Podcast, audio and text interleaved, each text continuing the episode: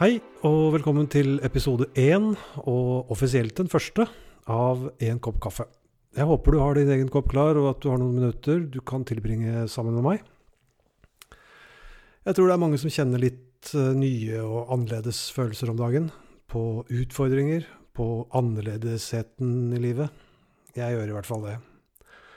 Så i dag har jeg lyst til å snakke om maktesløshet. Jeg heter Alexander, og jeg er avhengig av mange ting. Aller mest avhengig akkurat nå er jeg av å få lov til å ventilere topplokket litt og si noe om hva som bobler rundt oppi der. Tusen takk for at du velger å høre på meg. På et uh, møte for en tid tilbake så var det maktesløshet som var tema. Og det er jo ikke akkurat noe nytt tema, vi har snakka om det fryktelig mange ganger før. Men akkurat denne gangen var jeg vel kanskje i en spesiell sinnsstemning, for det satte i gang en hel haug med tanker og følelser inni meg, og jeg fulgte vel ikke helt med da runden gikk rundt eh, bordet. Det var såpass mye som kokte rundt i huet mitt, og det gjorde meg ganske sliten, og det holdt på ganske lenge etter møtet også. Helt siden jeg var barn har jeg hatt et eh, antagonistisk forhold til denne veldig viktige delen av mitt eget følelsesliv. Konstant forsøkte jeg å enten ignorere, undertrykke eller løpe fra følelsene mine. Jeg forsøkte å lage kunstige følelser, og jeg forsøkte å presse vekk de følelsene som var til stede. Jeg fornekta at jeg var sint når jeg faktisk var rasende, og jeg fortalte meg sjøl gang etter gang at det måtte være noe galt med meg, siden jeg følte så forferdelig sinne. Selv om sinne var en helt rasjonell og logisk reaksjon på situasjonen jeg faktisk sto oppi. Jeg fortalte meg selv at ting ikke gjorde vondt, når det i virkeligheten gjorde innmari vondt. Jeg fortalte meg sjøl historier som at den personen prøvde ikke å såre meg, eller han eller hun vet bare ikke bedre, eller jeg trenger å være mer forståelsesfull. Problemet var bare at den personen jeg snakka til og om, oftest var meg sjøl. Og jeg var helt maktesløs. Jeg forsto det ikke, jeg klarte ikke å gjøre noe med det, og jeg blei så sliten, så sliten. Jeg lykkes svært dårlig med mine forsøk på å styre og kontrollere følelsene mine. Selv om emosjonell kontroll på en måte var overlevelsesstrategien min. Og jeg kan takke den strategien for at jeg klarte å komme meg gjennom en del år av livet mitt, og gjennom en del situasjoner hvor jeg ikke hadde noe annet valg. Men nå har jeg lært meg en sunnere måte å ta det på. Jeg har lært å akseptere følelsene mine. Det er helt nødvendig. Og jeg har lært å akseptere maktesløsheten i det også det var akkurat like nødvendig. For jeg er ikke bare maktesløs overfor alkohol og hasj og sex og gjeld og sukker og kaffe og nikotin og været.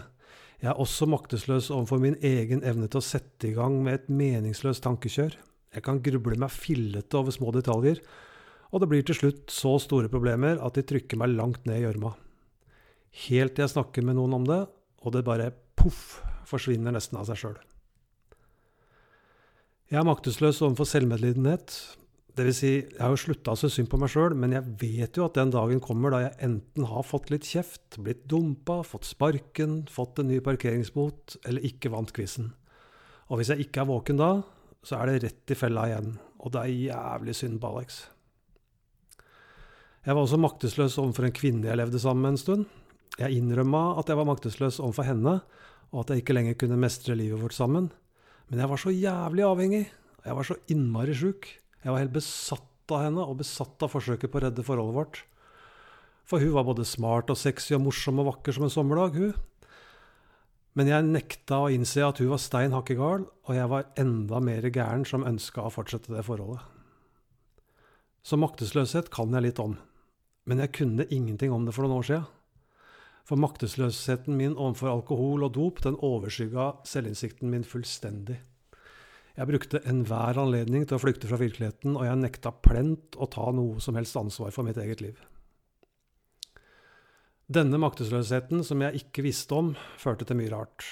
Den tok kål på arven etter faren min, den sendte meg i fengsel i et land jeg ikke syntes det var så hyggelig å sitte i fengsel i. Den ødela forholdet mitt til familien, og den førte til at jeg bytta jobb så ofte at CV-en min nå er omtrent tre sider, og den ødela ethvert forhold jeg noensinne har hatt til en kvinne. Men smak litt på det ordet. Maktesløs. Uten makt. Løs. Jeg hadde ingen makt over det som skjedde, men jeg tillot jo heller ingen andre å slippe til å hjelpe meg. For det er jo en løsning, maktesløsning, høyere maktesløsning, Med litt hjelp kunne jeg etter hvert løse det, og jeg kunne nesten løse alt. For det er ved å innrømme at man er maktesløs, at man faktisk får makt. Makt til å endre på de sjuke tankene og på avhengighetene.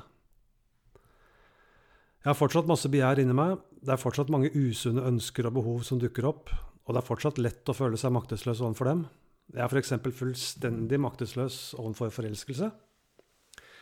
Jeg forelsker meg omtrent daglig, men heldigvis varer ikke lenger så lenge som det gjorde før.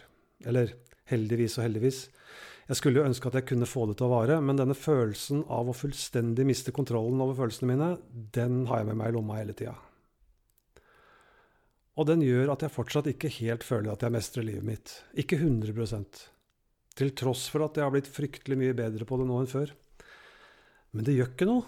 For vi er ikke helgener, vi er ikke overmennesker. Og vi vil jo heller ha fremgang enn fullkommenhet. Dette første trinnet i programmet vårt, det både skal, vil og må vi komme tilbake til hele tida. Det er sjølve bærebjelka i hele det nye livet vårt.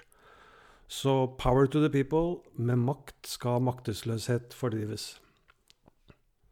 Og jeg er maktesløs overfor hva du tenker og føler om akkurat denne saken, så jeg overlater.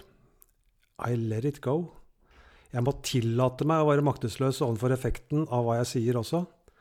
Jeg kan ikke kontrollere hvordan jeg blir oppfatta av andre, og det er ikke heller mitt ansvar. Likevel er det viktig at jeg ikke bruker det som en unnskyldning.